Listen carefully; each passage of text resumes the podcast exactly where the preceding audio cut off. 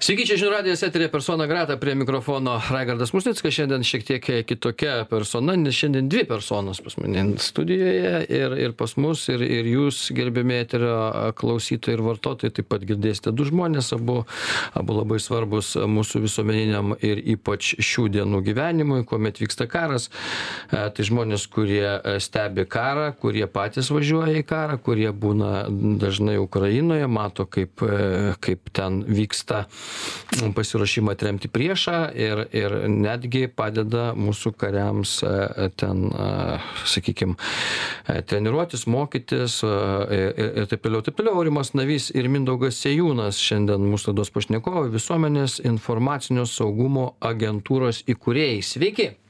Labą dieną. Sveiki tai nežinau nuo kurio čia dabar pradėti dar taip man nebuvo kad reikėtų du kad kalbinti iš karto bet bet iš tikrųjų man labai smagu kad jūs čia jūs rengiate kasdienes apžvalgas iš ukrainos iš karo zonos. Tai gal pradėkime nuo visuomenio informacinio visuomenės informacinio saugumo agentūros. Aurimai kas tai yra?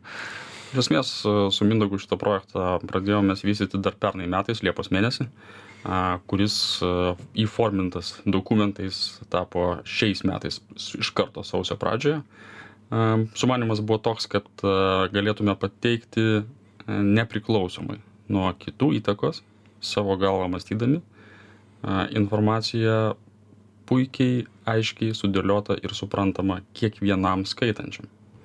Nes yra kita bėda, kad žmonės pas mus dažnai nemoka skaityti tai a, reikia taip paruošti informaciją, kad jie perskaitytų ir pageidautina suprastų, kas ten yra parašyta. A, antras dalykas yra labai svarbus, kad, kaip ir minėjau, kad mes būtume nepriklausomi. Nepaslaptis yra, aš nenoriu čia dabar vardinti priemonių žiniasklaidos, apskritai, bet kuri priemonė, jeigu tai yra ne nacionalinė, tai jinai yra komercinė, jinai siekia uždirbti akcininkams pinigus ir vien dėl to jau turi tam tikrą šališkumą jinai gali stengtis būt labai objektyvi bet nežiūrint to kadangi jinai siekia uždirbt pinigų jinai na jeigu nepadarys kalbės su ekonomikos ten terminais ar ne kipiaisų tai vadinasi kažkas negerai kažkas ne ne nevyksta pinigai neduoda grąžos kažką reikia keisti. Na jeigu kalbėsime apie nacionalinius transliuotojus tai tokie transliuotojai dažniausiai yra na netiesiogiai komerciškai priklausomi bet nuo politikų. E, jūsų santykis su karai, su karu, su karais, aš kaip suprantu, e, iš tikrųjų Aurimas, tai jis yra iš vis e, specialių operacijų rengėjas ir, ir gamintojas ir darytojas, ir ne tik čia Ukrainoje, bet, bet įvairiuose karštuose taškuose. Mindaugai ir pats esi susijęs su karštais taškais. Na, nu, aš į karštus taškus nevažiuoju čia. Aurimas turbūt yra tas žmogus, tas karys, kuris važiuoja. Aš, ta prasme, turbūt ne, net negalėčiau pasakot, ką žinau apie jį, tegul jis pas papasako, nes ne viską aš galiu sakyt čia jau jo turbūt yra reikalai ką jis ten Ukrainui veikia, kokia ten situacija ir jo mm. kokia padėtis ten yra, tai čia aš jam palieku tą sakyti, nes mes turim irgi savo tokių tam tikrų susitarimų, ką galim viešai skelbti, ką negalim, o dėl karų tai aš galiu tik tiek pasakyti, kad nuo 95 metų, kada Čečenijos karas prasidėjo, pirmas ir antras, aš buvau tas, kuris rašiau Lietuvos aidė, dar tada buvo mm. valstybės dienraštis, kur buvo galima paskambinti prezidentui iš tokių, tokių, tokių telefonų, kur su kita pasakė, tai ten paskambinti ten ministrui ir premjerui kažką, tai va, tada mm. galėdavai gauti informaciją. Tai rašiau apie tos karus čečėnijos karus turėjom ryšį su dudajevo štabu grozno šturmas kai vyko ta prasme turėjom tiesioginį ryšį su su čečėnų gynėjais su su grozno gynėjais ir žinojom viskas viską kas tuomet vyksta čečėnijoj tai tai tuo metu jau tada buvo tam tikri signalai gruzijos premjeras tada buvo ten informac informacinių ten kažkaip vadinas ministerija e, žodžiu ministras tai tada jau jis buvo čia vilniuj aš pas jį namie mes susisiekdavom su štabu ir mes rinkom informaciją ir aš ją aprašinėdavau. Tai tada jau buvo tam tikri ženklai kad rusija ruošiasi dideliam plataus masto karui ir mes tada jau siuntėm signalus kad mes turim ruoštis kad rusija nepasikeitė iš esmės. Tai va dabar mes atėjom prie to taško kad ji iš tikrųjų nepasikeitė ir ir o tu pats į ukrainą važiuoji irgi turbūt ar ne? Ar buvai dabar? Aš dabar nebuvau šiuo metu nebuvau. Bet buvai čečėnijoj čečėnijoj ne nebuvau irgi bet planavau važiuot sus ten irgi sudėtinga tema susijusi su dudajevo mirtim yra su su su ta operacija kai jis buvo nu nužudytas raketa mhm. atskriejo ten ta buvo pirkta radijo ryšio sistema kuri ten jį pražudė bet buvau ukrainoj prieš keletą metų su zelenskiu sėdėjom kaip va su jumis prie vieno stalo su jo kompanija ką kalbėjot ką ne Mes kalbėjom tada, tada situacija buvo tokia, kad Lietuvos rinka buvo, tel, telikų rinka buvo užkišta, visokie ten naša rašė visais tais komikais, tie, kurie ten parodijavo Putiną, ten tą Kadairovą ir ten visas tas šlamštas, kuris buvo čia už, užgrūstas, nevardinsim kanalų, ir didieji, ir gražiai kanalai. Tai aš sugalvojau, kad mačiau tą kvartalą 95, kur buvo, ten darydavo Putino parodiją, ten ir, ir ten visų ministrų, žodžiu, ir labai gražiai dirbo Zelenskis su savo kompanija ir aš sugalvojau, kad reikia tą paimti, tą formatą, reikia jį nupirkti, reikia iškarpyti tas laidas, reikia jas išversti, užtitruoti, reikia nu, pasiūlyti kanalą mūsų, kad jie ją, aiškiai, tas laidas transliuotų. Tai va tą progą mes su juo ten ir pasiskambindavom kartais, aš šiaip netai prisiprašiau ir mes nu, nuvykom ten su Saulim Bartkum į Kievą. Ir...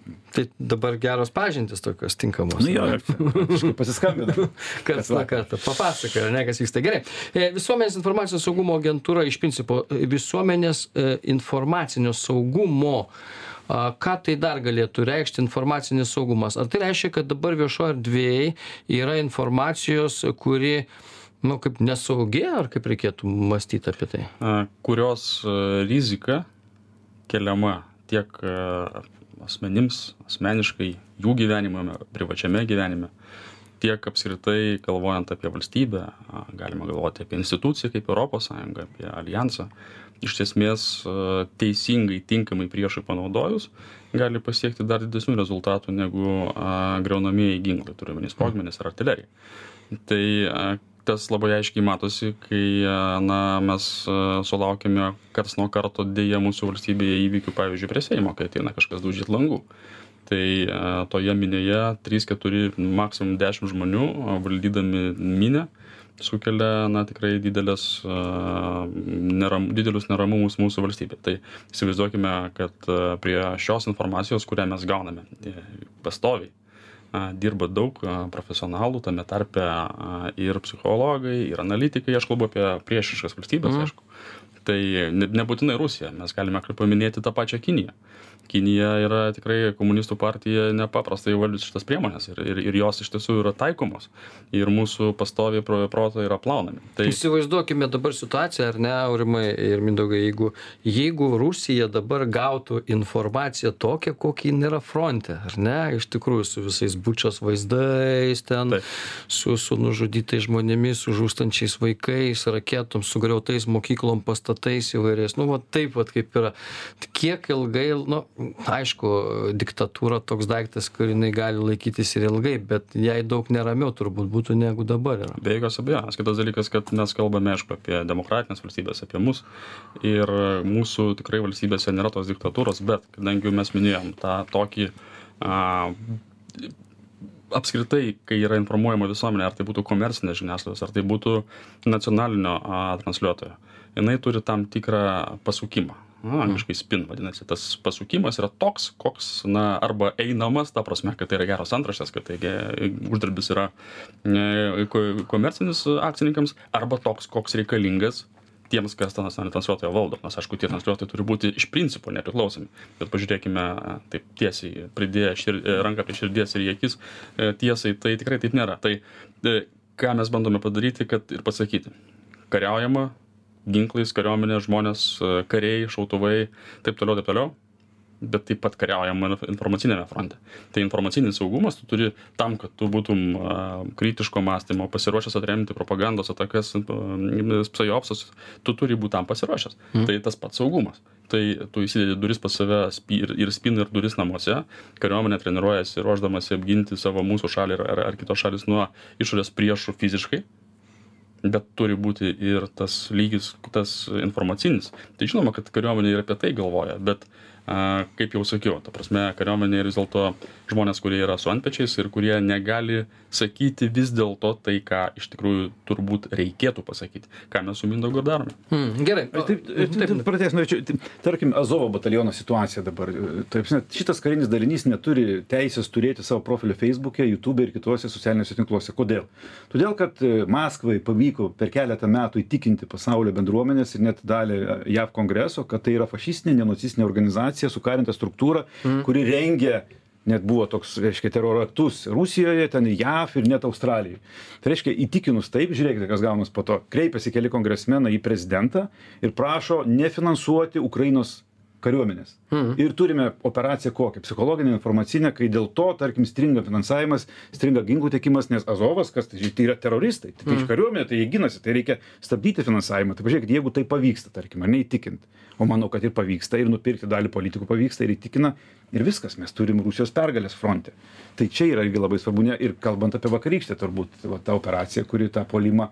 Tai mes taip ir grįžime, o dar, Mindaugai, kalbant apie šaltinius, vat mes visą laiką visą laiką tu minėjai, e, e, kad čečėnijos karo metu su barabaniniais tais, ar kaip jau vadinasi, diskiniais telefonais skambino. Net tai mes turėjom tiesioginį raudoną liniją. Raudoną liniją, ar ne? Tai vat, e, reiškia, gerai, kai yra, dabar yra, vat, su tais informacijos šaltiniais, ko, ko, kokios problemos iškyla, sakykime, vertinant informaciją. Nu, iš tikrųjų labai sunku vertinti visus šnekėjimus, kurie yra vienaip ar kitaip viešoje erdvėje.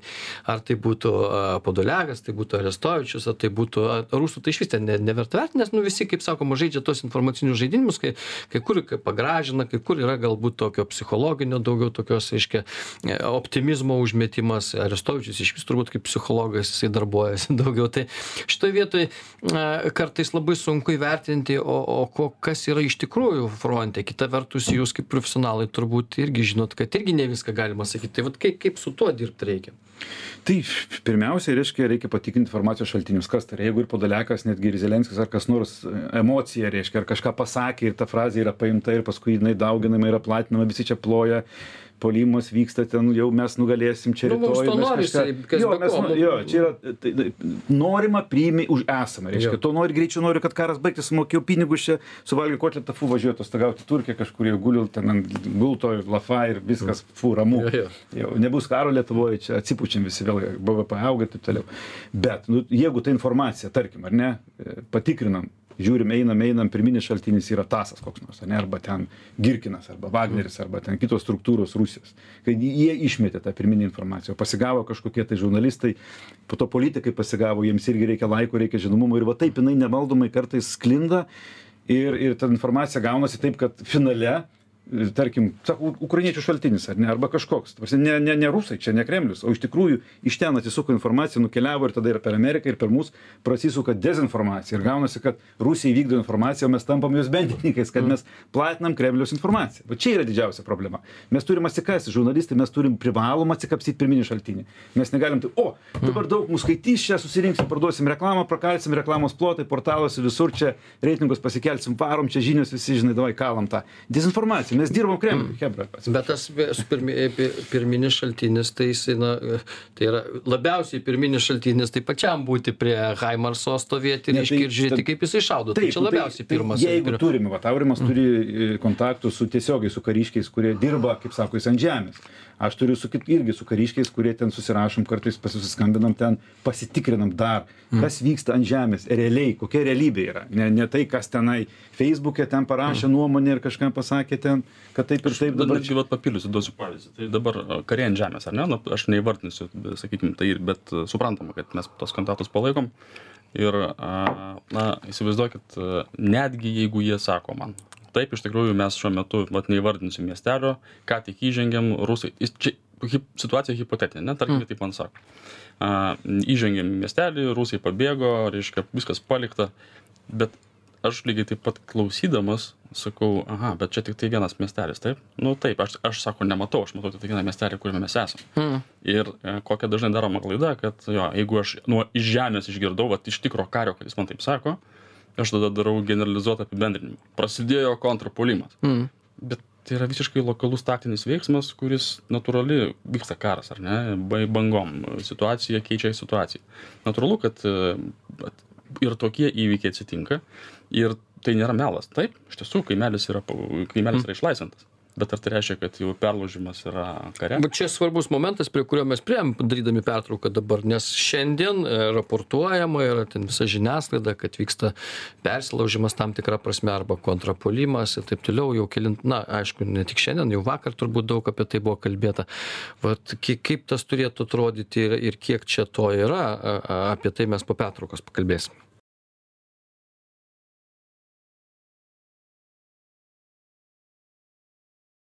Tęsiame persona grata visuomenės informacinio saugumo agentūros įkūrėjai aurimas navys ir mindaugas sėjūnas šiandien pas mus laidoje. Persona gratoje dvi personos dvi labai pageidaujamos ir labai svarbios.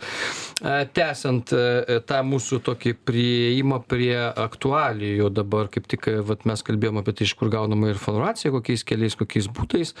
E, kiek čia dabar apie tą kontrpuolimą galima šnekėti? Ar ar jau ar jau jisai prasidėjo? Ar čia mes tiktai tai matome kažkokias tai užuomazgas ar čia kaip sakė aurimas galbūt vienas kaimelis tiktai galėtų būt ar ten porą išlaisvintų ir ir nuotraukose taip ten rusai bėga bet bet bet ar iš tikrųjų tai yra jau jau persilaužimas kare vat tas klausimas visiems rūpi. Aš apie apie viešus šaltinius nes aš kiek kiek kiek ką ką sekiau erdvėj. Tai žodžiu informacija kurią pateikė tie apie puolimą tai yra du iks e, jav kažkokie tai ekspertai kuriuos perspausdina ukrainos ten žiniasklaida.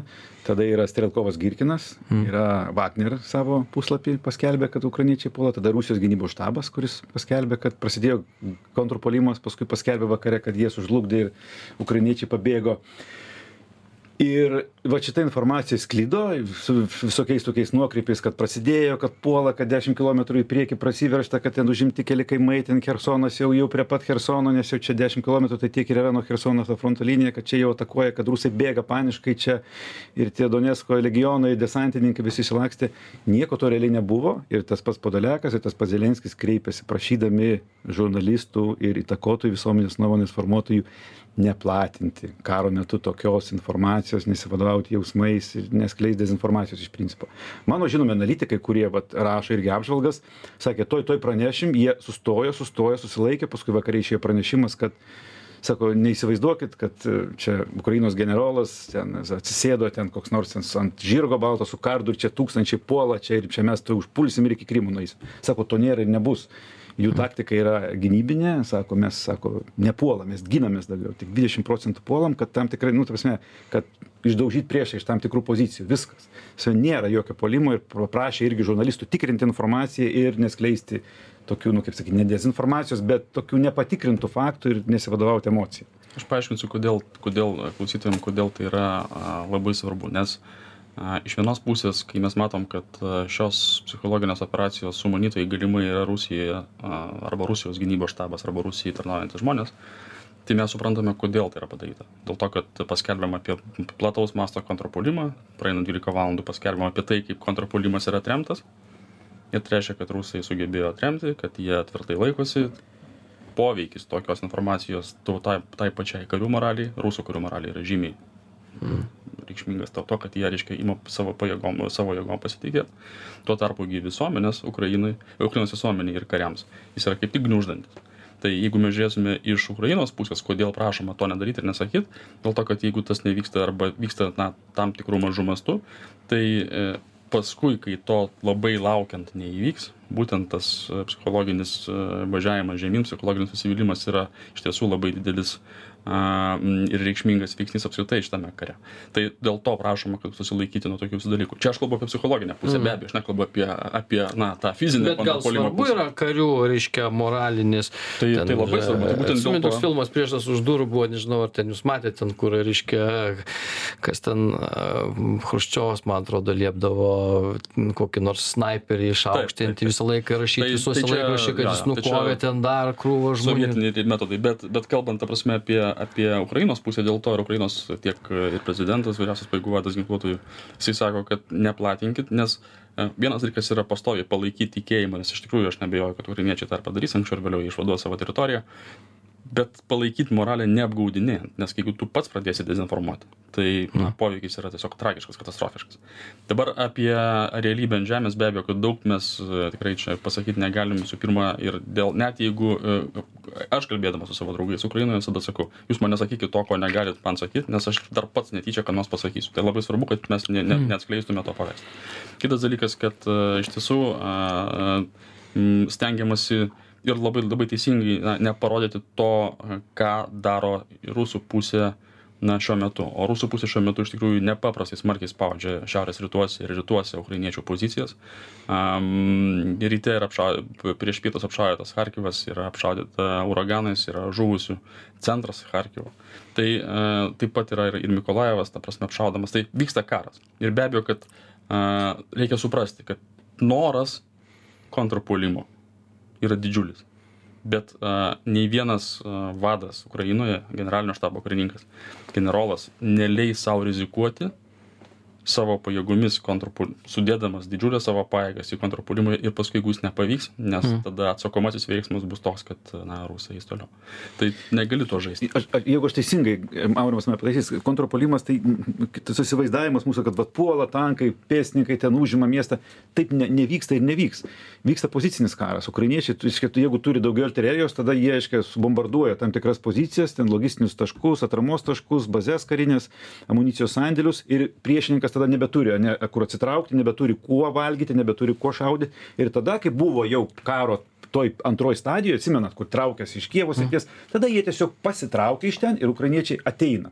Tai va taip toks va yra kontrpolimas. Nesu- tai nėra toks kaip dabar čia. Valiu, Nesudurtuvais, ar ne, kaip rodydavo čia. Ura, va tą, Nes- žinai, čia taip, taip ne, ne, ne, nėra šitam kare. dar porą momentų labai greitai prasme irgi vienas dalykas kad pralaužta gynybos linija pra- pralaužta fronto linija tai žiūrėkit nėra jokio fronto ta prasme antras pasaulinis karas pr- praėjo ir praėjo ta prasme taip miesteliuose yra vieni miesteliai kontroliuojami ukrainiečių kiti miesteliai kontroliuojami rusų pačiuose miesteliuose gali būti įrengtos įvairios inžinerinės užtvaros bet fronto linijos kaip pat įsivaizduoja kad yra apkasų linija ten sudėtinga sistema tokio dalyko nėra čia čia tai tiesiog taip Čia eilinis nėra. Ryanas padarė. pamatyti. Tai vienas dalykas. Kitas dalykas, kad na, na, reikia suprasti, kad iš tiesų, a, jeigu mm, norima mm, padaryti tikrai didelį poveikį a, ir pasistengti, kad a, okupantas pasitrauktų, tai pirmą padaroma, paskui pranešam.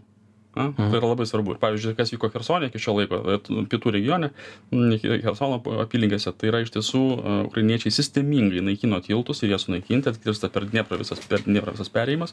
Kitas dalykas yra, ką tikrai taktiškai pavyko sėkmingai padaryti, rusai turėjo baržą, ta barža gabeno, nes nėra tiltų. Tai, jie buvo automobilių tiltai ir geležinkelio sugadinti, rusai baržą naudojo a, savo amunicijos, degalų, maisto, tviro pervežimui, nu, logistikai, aprūpinimui karių.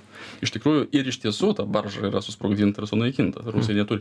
Tai kai jie jau atkirsti nuo viso palaikymo, tai be abejo, kad na, pačiam tam ir Dryskiui, kuris yra okupuoto teritorijoje, labai neramu darosi. Jis tada tikrai tenais nenori būti. Gerai, padarom trumpą pertrauką, čia labai įdomu tai, ką jūs sakote, nes tada kyla klausimas, na vis dėlto, o kaip turėtų atrodyti persalaužimas kare ir, ir kaip, na, kaip mes turėtume suvokti, kada ir kada ten rusai turėtų suvokti, kad jie jau pralošinėja kare ir, nežinau, trauktis iš tų teritorijų, kada galėtų būti toks apskritai sprendimas, net, net laikant, kad, sakykime, bepročiai Putinui tai visiškai nerūpi nei žmonių gyvybės, nei karių gyvybės, bet vis tiek. E, Trumpa pertrauka.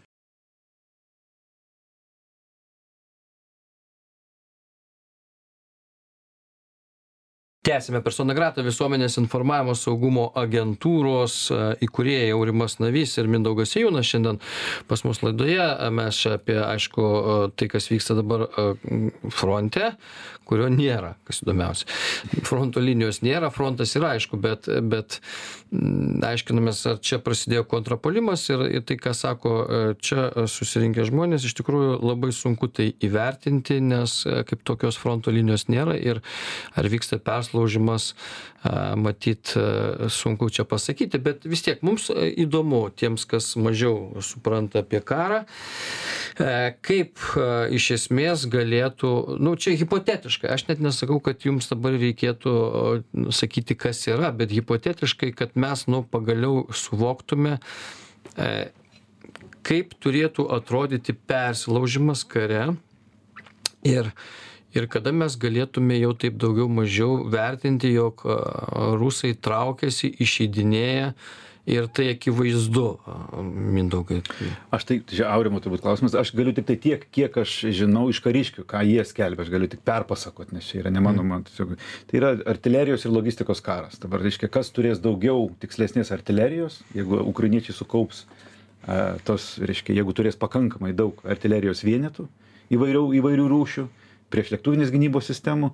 Jeigu turės geresnį tiekimą reiškia vaistų medikamentų e, maisto viso kito reiškia papildymą jeigu eis sklandžiai šitie visi logistiniai dalykai jeigu bus suderinti tai be abejo kad turės daugiau amunicijos ir tikrai išmuš bus jie išmušti kaip sakydavo mūsų seneliai bolševikai buvo išmušti tai va gi tiesiog ne, bus, bus nesibaigia, jiegi, kaip Ne, sakoma, ne, jie, tai jie yra- nesibaigs. Tai iš jie- Sirijos jau permetami yra e, S-300 ir priešlėktuvinės gynybos raketų sistemos, taip kad rodo, kad tai, ten tuščia yra, jau kai kurios bazės yra tuščios. Jeigu tas raketas velka į Krymą, tai reiškia yra didelė baimė. Ir į Krymo tiltą, reiškia, stiprinama apsauga kerčias, tai rodo, kad vis tik tai, nu, tų sistemų yra ribotas kiekis. Čia artilerijos, bet e, o žmonių, o tankų, taigi tankų dar turbūt kokius 8 tūkstančius turi. Tankai geležies gabalai žmonių, tai, ta prasme, tai vad kur tas pastiprinimas, ar ukrainiečiai juokiasi, nes apmokyti 137 tūkstančius karių, tai yra mėsa, ta prasme, jiems reikia, ka- jiems reikia metus, du reikia ruošti, kad iššautų žmogus psichologiškai ir mokėti nušauti žmogų ir pasislėpti reikia metus du mokyti. Dabar jam reikia karininko, kuris jam vadovautų. Šito jie neturi. Jie gali tą masę paleisti tiesiog vat į frontą, va taip kaip, kaip tą mėsą. Dar čia nieko, čia, kažkiek tai- jo, bet ten nieko nebus, čia tušės reikalas. Čia tik tai- Įdomu, kaip apskritai zekai kare, tai čia, kaip, vat, kai jie tengi betvarkė sukurs visiškai, tai žmonės, kurie nei, nei įsakymams turbūt gali pasiduoti, nei jie tik tai padins dedovščinos daugiau, nei jie klausys. sukelia siaubą, jis sukelia prievartą, agresiją, jis sukelia neapykantą, tai irgi yra svarbu, ta prasme, galvojant apie tai, kad... priešininkų, nu, sakykime. Ukrainai tai galėtų sukelti, jeigu jie Taip. dar ukrainiečiai apstai ko nors bijo, bet, bet šiaip Mm. viduj pas save, tai jie tik destrukciją gali sukelti. Nu. Be abejo, kad visada yra tas Ar čia, ar tu nusiųsi, reiškia, į, į, į, į e, Zeką, pavyzdžiui, kur nors, nu, ten, nežinau, visgi neprognozuojamas. Kalin, ne? Gal, gal, kalbam lietuviškai. tai a, taip, bet a, aš tik tai noriu pasakyti, kad kariauja tai įvairiausios, įvairiausios kategorijos Rusijos piliečiai. Tai nebūtinai jie visi yra kažkokie kaliniai ar ten iš kažkur. Ne, bet dabar juos kai kuriuos siunčia į frontą ir ten Ne, labai bet tai- įdomiai tai ir bando sutartis sudaryti, paskui jau Taip. tos sutarčių atgal nebegali Bet atgroti. Tai, tai nėra didelė dalis, iš tiesų tai nėra reikšminga, aš sakyčiau. Tai yra tiesiog daugiau a, būtent tam chaosui įvesti, kad sukeltų tam tikras a, neigiamas emocijas a, tiem patiems ukrainiečiams ir išprovokuotų ukrainiečius elgtis nedekvačiai. Ta prasme, Mm. ir tada, kai abi pusės yra, nes, nes supraskit, rusų driskiai, rusų kariai, atsiprašau, yra a, ku- ten, man sunku juos kariais vadinti, nu jie yra nemotivuoti. Tai kaip juos užmotivuoti? Reikia juos įsiūtinti. Na tai, o įsiūtinti tu gali, jeigu su jais imtų elgtis nedekvačiai a, arba su jų draugais kovos ar ne, a, ukrainiečių pusė. Kol, to nėra, tai jie, jie geriau pasirinka tada bėgti arba pasiduoti, negu kautis, nes čia kaip su žiūrkiu užspėsti, ar ne? Kai tu jau užspėti žiūrkiu, tada jinai kaunasi. Jeigu šiaip jinai ieško pabėgimo, tai čia lygiai tas pats. Bet a, papildant a, apie tą mūsų prieš tai e, kalbėtą persilaužimą, tai tik noriu pasakyti, kad suprastume labai aiškiai. E, Kai, kada matyti persilaužimas, tai pažiūrėkime, kas buvo prieš tai. Kai rusai pradėjo trauktis nuo Kievo, tai buvo persilaužimas. Iš Jis karto vyko matėsi. gana greitai. Taip. Taip pat čia yra persilaužimas.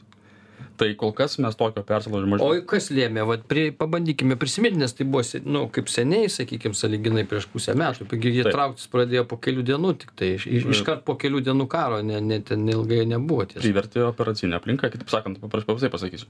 Privertė tai, kad rusai suprato, kad jie neišlaikys tų pajėgumų, kurie tenais yra visom tom kryptim, mm. puolimo nebesugebės užtikrinti.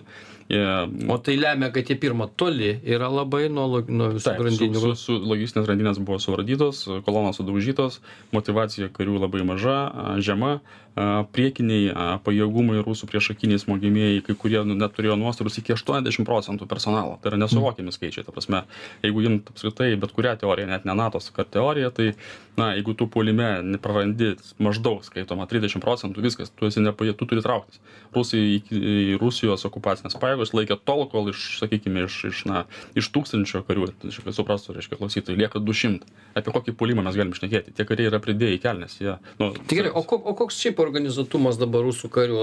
Dėl to, kad, nu, jie, pirma, svetimoje žemėje, antra, e, karininkai irgi turbūt mažai motivacijos turi, kaip suprantu, iš to karo. e, Ir, ir, ir tas pakrikimas a, toksai visuotinis yra. Ar tas matosi kažkaip, ar, ar jie ten, nu, pašaudo, pašaudo kažkaip be, be jokios strategijos? Ar vis dėlto dar rusai ten kažkaip bando apgraibom sukurti strategiją? Galiu tik trumpai pasakyti, gal papildytos kaimindogos labai trumpai pasakysiu, kad su tam tikrų a, vadų ateimu po, taip įvardinsiu, visiškos katastrofos pradžioje, karo invazijos, iš esmės labai žiauriom priemonėm rusų vadai suvaldė situaciją. tai yra galiu netgi pasakyti kad iš principo tas suvaldymas buvo panašus labai į antro pasaulinio karo metu buvusį suvaldymą tai yra kai už- nugarų. Na, ne tokio, bet panaš, panašiom priemonėm iš tiesų, ta prasme, um, tas uh, buvo suvaldyta. Kitas dalykas, reikia suprasti, kad uh, tikrai didelė dalis karių, kurie, kabutėse karių, aš gal taip pasakysiu, Rusijos karių, kurie atvyksta, atvyksta kurie atbėgo prievartauti, grobti, žudyti ir taip toliau į Ukrainos teritoriją, jie iš esmės yra motivuoti būtent to. Ne? Dabartinė Mm. kategorija tų driskių yra tuo motivuoti. Jie motivuoti, kad jiems leidžiama prievartauti, žudyti, vogti. viduramžiais, ar ne, ką, Taip, ką priplėšit, tas jūsų, ar ne, maždaug. Tai. Gerai, o žiema, e, vat, kiek jinai dabar yra, e, nes e, visi čia, e, kas, kas kalba apie vienai par kitaip veiksmus karinius, mato žiemą. Žiema, jinai kaip veiks karo eigą. Kokia nors gali būti čia, nes, nes karas prasidėjo žiemą iš tikrųjų ir, ir sakykime, kai tu pagalvoji, nu kas buvo, kokia problema tankuose, kas sėdi, turbūt vis tiek dar yra ten tankuose žmonių kokiuose nors.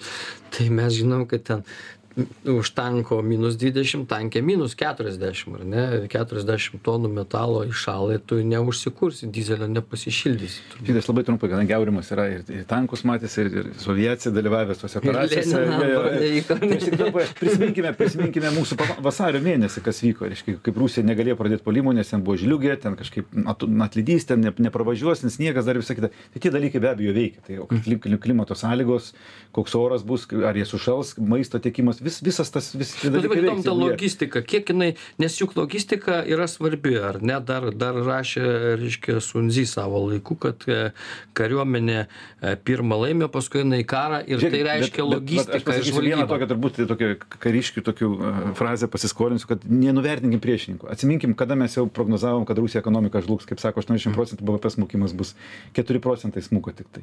Rusija įsilaikė, Volsitas pro- prognozavo jiems smukimą, to neįvyko. Ekonomika laikosi, mes prognozavom jau, kada baigsis artilerija, kada baigsis tankai, kada jis sušals, neturi maisto, visi badauja jau toj, toj, toj rytoj. Niekas nevyksta. Rusija sukaupė metus laiko nepardavinėjo grūdų, turi naftos, kurie dujas leidžia į orą, naftos turi vartojimas padidėjęs, ta prasme, turi atsargų sukaupę pakankamai laikytis metus.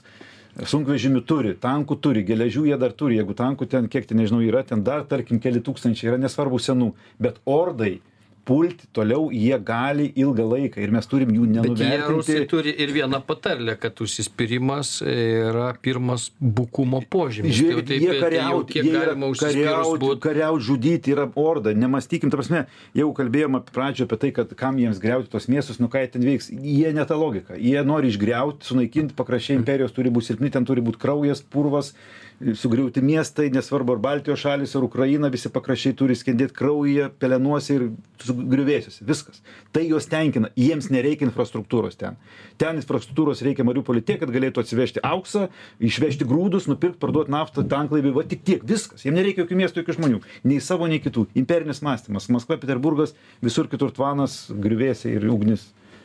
Kitas dalykas, kad e, ruduo ir žiema, nebejoju, kad e, jeigu mes šiek tiek palipsime į aukštesnį lygmenį, strateginį, politinį lygmenį, tai pamatysim, kad e, Kremlius skaičiuoja taip. Mhm. Dujų reikės, dujų, jeigu, tai prasme, kainos didelės, didelės maisto kainos, kūro kainos didelės, migrantai, taip, kurie čia pas mus prie sienos ir jau daugėja, ką mes beje su Mindaugu prognozavom, ateis ruduotas didės, nes jie tą kortą būtinai panaudos. Vien dėl to, kad tai na, natūraliai gaunasi. Afrikoje ir Azijoje trūksta maisto, jie juda čia, kur yra geriau gyventi. Labai paprasta. Ten, kur gali pavalgyti ir atsigerti. E, kitas dalykas, e, vėlgi augančios e, infliacija ir augančios visos kitos išlaidos priveda prie to, kad su jau dabar įdėtų, beje, apie tai čia atskira tema ir galima turbūt atskirą laidą padaryti, bet apie veikiančius arba netvirai dar veikiančius Rusijos agentus, kurie yra infiltruoti vakarų visuomenės. Na ir va sudėkim tokį visą dalyką ir mes pamatysim, kad iki geltonųjų lemenių riaušių yra vienas žingsnis. E, Jeigu tokie dalykai įvyksta, e, vakarų valstybėms, ypatingai kalbant apie kokią Prancūziją, nelabai bus įdomu iš tiesų, kas ten toje Ukrainoje vyksta. Nu turbūt bet e, ga aišku galbūt nereik. Bet iš kitos pusės visi supranta kad a a nu dabar a ar galėtų būti taip kad staiga ten šolcas pasiprašytų dujų dabar iš rusijos sakykim ateitų ten ant kelių pultų prieš putiną ir sakytų nu ten nežinau pa vidury žiemos po naujų metų staiga pamatęs kaip vokiečiai ten blogai. E greičiausiai kad jau nebebus jau nebeatsuksi ir tai ką skaičiuoja kremliaus ten visi skaičiuotojai jie greičiausiai jie gali ban greičiausiai karas aišku ir ir nesibaigs su žiema ten ar su pavasariu dėl to kad jiems vis tiek bus įdomu išbandyti o kas gi įvyks kaip kaip atrodys vakarai po po po šitos žiemos vakarų valstybės ir kokios bus nuotaikos. Tai jie bet kokia kaina e, tą darys. Bet bet iš kitos pusės skaičiuotojai turi suprast kad jie kariaudami prieš ukrainą kariauja ir prieš save bet kokiu atveju. Be tai jokios abejonės tai mes e, puikiai su mindaugu tą matyt ir esame išanalizavę ir pateikę kad čia mūsų supratimu ir yra ta viena silpnesnių rusų vietų skaičiuotojų kad jie nu susidaro toksai įspūdis kad jie nesuvokia kad jie kariauja iš esmės tokiom priemonėm tai kariauja kartu ir su savim. Nu. Nes e, Jo, bet, jo, ir bet kita, kita, kita logika, reikia matyti, kita, čia jų kita Vėlgi, ne savo taip, reikia matyti, čia- jiems pakanka gyventi Vienareikšmiškai. sėdėti, gerti vodką ir jie valdo tą. mes jie mes turime kitą- Nu, atsiriboti tie, Jis- kurie geria vodką, jie nekariauja. Iš kitos pusės, aišku, jie ir geria tą vodkę, bet, bet, Bet- bet, karas jis vis Pergalė. tiek. Tik tai vieną, vieną noriu momentą šiaip, kad mūsų klausytojai patys pamastytų, čia aš nei teigiu kažko, nei neteigiu, nei, nei mes čia kažkaip tai kažką norim pasakyti, bet žiūrėkit. Vat sureaguodamas Ragardai jūsų pasakymą dėl to, kad na, tos dujos, kad jau atsisakysi, tikrai mes jų nebepirksim ir mums jų nereikės. Žiūrėkit, kaip gaunasi įdomiai. Tai karas vyksta, taip, žudomi gyventojai, raketos krenta, pataikoma į ligoninės, į geležinkelius, vaikai prievartaujami, dega liepsnuose. Bet netgi ta pati Amerika sako, mes na, privalom prekiauti su Rusija. A, nes tik pasirodė žinios oficialios visiškai, kad e, Vis dar plaukia ten e, prekės. Milijardą dolerių vertės siuntinių Hmm. bendrų priekybos ryšių dėka iš Rusijos pasiekė Amerikos, Junktinės Amerikos valstybės ir jie buvo nupirkti, o tie pinigai buvo sumokėti kažkaip tai Rusijos valstybei. Tai čia klausimas yra. Tai, palauk, tai nes amerikiečiai sako, nu ką padarysim, mums reikia palaikyti prekybos ryšius, nes kitaip sugriausim visą ekonomiką pasaulio. Čia aš tiesiog klausiu, kad mes pagalvokime, tai jeigu yra galim prekiauti kitais dalykais, tai kodėl mums čia taip labai svarbu tom dujom tada? Tai galbūt ir nesvarbu. Nu, gal ir nesvarbu, bet, bet dabar vis tiek vienas dalykas ten, kas ko nesusiekė su tom prekiam, kurios plaukia dar į Ameriką ir kitas dalykas dujų vamzdis, kuris labai aiškus ir, nu, įdomu, koks būtų pretekstas ateiti ir pasakyti, na vis dėlto, o gal vėl pasileidžiam dujas. Būtų skandalas turbūt didelis e, karo akivaizdoje. Ir tada beprasmiška būtų iš principo, tada kam, kam tada lendlyzai, kam, išpri, kam visokie kiti dalykai, kam, kam vežti haimarsus, ten kam norvegams siūsti sistemas įvairias ir taip toliau, milijardus išleisti, kad paskui pasileisti dujas ir rusiškas.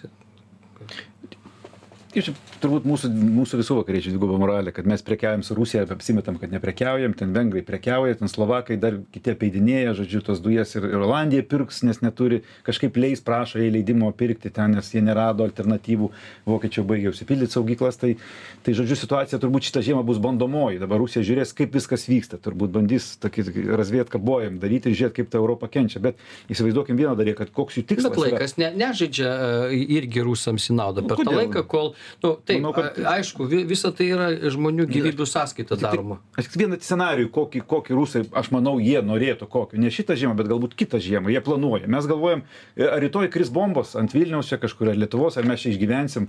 Ne taip reikia galvoti. Gali nereikėti net bombų, taip kaip Mariupolį sugriovė, tik nereikėjo atominės bombos. Tai buvo baisesnis poveikis turbūt. Bet rusai turbūt planuoja taip. Žiūrėkit, jeigu, tarkim, įsivaizduokit, Europą užplūsta ten keliolika ar keliasdešimt milijonų migrantų, ar ne? Vat užplūsta, minė tokie plėšikų, alkanų, vat užplūsta, tiesiog iš visų pusių praidas. Miestuose, žiūrėkit, dabar įtinginėja elektrą, jau ir pas mus, ar ne, mažina ten valandų kiekį, kada bus gatvėse tamsiau. Europoje yra tamsu, nėra šilto vandens, nėra elektros. Migrantai yra reušės, ar ne? Nu, taip, neužplūs lengvai, kaip man atrodo. Aš, taip, Ne, aš kalbu aš manau, metų. kad karo, ne, tai Ne, ne, po metų, bet, mes karo prognozuokim, kaip- akivaizdoje bus pastatytos visur koncertinos ir, ir bus paskelbtos visur nepaprastosios padėtys Europoje. Ir, ir jeigu kažkas bandys plūsti, Bet, labai tarp, bet Rusija tai planuoja daryti. Tie milijonai pajudės. prasme, Daug, 350 milijonų įsivaizduokime, ne, badaujančiai. Jie pajudės. Tai kur pajudės? Ten, kur yra maistas. Jie dabar juda. Pajudės čia, tada, tada badas, tada tamsa. Re, tų migrantų riaušės, ar net, tarkim, vietinių gyventojų riaušės, taip pat rusai įmes savo čia provokatorius, paruoštus agentus, kurie jau, jau patikrinti yra tokiuose visokiuose sabotažo a- akcijose ir Europoje prasideda chaosas. ar Ne? Ir tada kaip Europa gali galvoti apie karą paramą Ukrainai. Tai vad Rusija kurs problemas mūsų viduje. Jinai jau Tam, kuria kuria. aišku čia mes piešim tokį labai juodą scenarijų Nu, tai, tai kaip jie nori. ne, nereikia galvoti, kad taip ir bus. Čia, mm. čia greičiausiai turbūt 99 procentais iš to, to nebus. Bet iš tiesų, to prasme, ką mes sakom, kad didžiaja dalimi Kremliaus režimas labai norėtų, kad tai būtų. Jiems tiesiog tai yra išeitis iš padėties, nes e, kaip žiūri e, vakarai ir kaip žiūri Rusija. Vakarai žiūri taip, mes sudarysim taiką, vadinasi, mes pasiekėm iš esmės persilaužimą. Mm. Bet ką puikiai suvokia Ukraina? Kodėl sako, nekiu būdu? Nes jinai kariauja puikiai supranta, jeigu mes pasirašom bet kokias paliaubas su Rusija susitarimą, tai yra visiškai laikinas ėjimas. Ta prasme, tai yra absoliučiai naudingas ėjimas. Na, ta prasme, kad galbūt sulaikomi, sulaikomas žmonių žūtis. Tai labai svarbu, nes mes išgelbim gyvybės. Bet ilgesnėje perspektyvoje mes e, susidursim su, su, su didelėm arba dar didesnėm bėdom, taip kaip Rusija skaičiuoja. Bet e, perspektyvos tokios yra, e, vis dėlto, kai aš sakau, laikas ne jų naudai, ne rusų naudai, dėl to, kad a, per tą laiką statosi terminalai, per tą laiką tiesiamos linijos į vakarus, per tą laiką, nu, daug dalykų, kurie iš tikrųjų per tą laiką surandami alternatyvus šaltiniai energetikos, per tą laiką a, daug atsinaujinančios energetikos statoma ir, ir, ir kol rusai e, ten iš tikrųjų iš paskutiniųjų stumia savo žmonės į karą, e, vis tiek Europa jinai e, paraleliai darbuojasi, kad nebebūtų priklausoma nuo energetinių išteklių ir, ir tada jau gali būti kiti veiksmai, lygiai taip pat kalbant ir apie paliaubas. Mano akimi žiūrint, paliaubos tai nereiškia, kad Rusija per tą laiką stiprės. Niekas jai sankcijų nenuims, niekas jai jų tankams ir raketoms mikroschemų neatsiūs greičiausiai ir nesiūs. Fabrikai vis tiek stovės, ladas nebent gamins be stabdžių, ir be, be vairo stiprintuvų, bet tai čia, nu, jų reikalas. Tai va, Jie taip, ką išloš? Jeigu, jeigu taip pozityviai mąstant, taip, taip, taip turėtų būti, bet Rusija irgi. Bet taip ir labai. Nu, O kas il, ilgalaikį perspektyvoje. Sankcijos nepasieis paliaubos, tai Ne, tai sankcijos sank- nesuveikia, sankcijos Rusija pajamos biudžeto padidėjo nuo visų sankcijų pradžios, ta prasme, nesuveikia jos realiai. Dabar tik tai truputėlį krito tas BVP, bet, bet, bet, bet, bet tai, niekas nepaveikė. Diversifikavo ekonomiką, ten su Kinija, Indija toliau prekiauja. Ir, bet aš galvoju taip, kad šiai dienai pat, ta informacija rodo, kad jie nori, Putinas nori laikinų paliaubų, sustabdyti karą, kažkaip sustabdyti ar pristabdyti, kai buvo Kasavjurtos susitarimas, kai buvo pasirašę Elcinas su, su, su Mashadovu, kad reiškia, ne, Mas- reiškia, kad laikinai sustabdyti karo veiksmus ir galbūt kažkada ten Čečenijai suteikti nepriklausomybę, gal net nepriklausomybę, tik suverenitetą, Ribotą, Rusijos jo. suderibotą, kaž, kažkokį tai tokį marmalą parašė, ten tokia apgavystė realiai buvo ir buvo kam reikalinga ta apgavystė, kaip dabar laimėti laiko, sustabdyti karo veiksmus, tada Rusija pasiruošė ir suvarė visą, reiškia, miestus, sugriovė Čečenijos miestus, sunaikino jų kariuomenį ir buvo toks, prasme, sunaikino tautą. Tai va, Nes- turbūt dabar tą patį nori padaryti ir žiūrėkit, jeigu sustabdo, tada reikia prasidėję pri- prie Zelenskį yra atakos informacinės, kad prezidentas ten Hersoną pražiopsojo, tai žeplys netaip apsirengė Jo, su jo, Maike. nebeveiks, per- Man atrodo, Jo, visuomenė. bet, bet, bet, bet iš vidaus, va, ten generolai pjaunasi tarpusai bandys, Rusija, aiškiai, stabdo, stabdo polimą, ar ne, greuna iš vidaus, juk reikia, iš esmės Zelenskį reikia pašalinti su jo komanda ir viskas, pasakyti savo. Janukovičius sėdėjo Minske, būtų O atskridęs. kas vat, jiems trukdytų tai padaryti išėjus iš Ukrainos visą tai veikti? Nu, klausimas, o ką? Nu, gerai, sakykime, išeina jie iš Ukra- Koks vis tiek situacija pastatomės į 2013 metus, ar ne? Nu, ir kas toliau? Jie tą patį gali sėkmingai daryti, jis netgi gali išsireikalauti sankcijų nuėmimo. Mes išėjom Gali. ir, ir toliau, ir Čia mes- toliau taip, kuria... taip, Raigardai, čia mes skaičiuojam irgi, ta prasme, iš tikrųjų, iš tikrųjų mes tą, mes tą ir, ir kalbam, kad tai yra labiausiai iš tikrųjų gali būti vienas iš tik- tikėtinų variantų, kai ir Maskvoje yra imituojamas pakeitimas. Hmm. Pakeitimas dabartinio Putino, kai iš esmės greičiausiai bus sakoma grįžkime į, a, pu- į sienų ribas, kurios buvo 1000, vasario 24 dieną prieš invaziją. netgi galbūt esant reikalui bus pasakyta kad mes išvesim ir iš kažkokių tai liaudies respublikų kažkokios luhansko donecko aš labai abejoju ar apskritai ar krymas tai bus tas klausimas turbūt ne kryme pasiliks. Bet e, bus suimituota. Tai yra tikrai tai ką ką ką mes čia šnekam tai yra tikrai labai tikėtinas variantas kai vienas putinas pakeičiamas kitu putinu imituojamas kažkoks pravalymas kažkoks ten na na neva tai ten kažkokių tai galbūt generolų nuteisimas dėl akių. Na atšaukiamos sankcijos rusija pasiruošia reiškia ir mes tada vėl turim tą patį pūlinį tiktai po dešimties metų mes atidedam Tik tiek, kad per tą laiką pasiruoš ir Ukraina ir visi vakarai labai gerai pasiruoš. Tikėkimės. Ir smarkiai bus pasiruošę, iki dantų pasiruošę mes būsim tam. Pasiruošėme 14 metų, mes ruošiamės su Rusija. Ir na 14 mat niekas girimtai nežiūrėjo į tai, bet matyt po šito karo per daug. vėl gera Rusija, jau vėl geras caras, viskas prekiaukim, bus gerai viskas. Ką žin, vis tiek. žmonija turi tokią na bėdą jinai pamiršta blogus Jo, dalykus bet o ne taip greitai, atsimena. ne taip greitai turbūt vis tiek, e, nu, bent šimtas metų turės praeiti, kad pamirštų. duok dieve Būtų geriau, kad daugiau praeitų, bet vis tiek. Tiek šiandien laidoje e, Aurimas Navys, e, Mindaugas Ejūnas, laidos pašnekovai, laikas greit prabėgo, ačiū visiems, kas klausėsi, tai buvo persona grata, iki kitų kartų.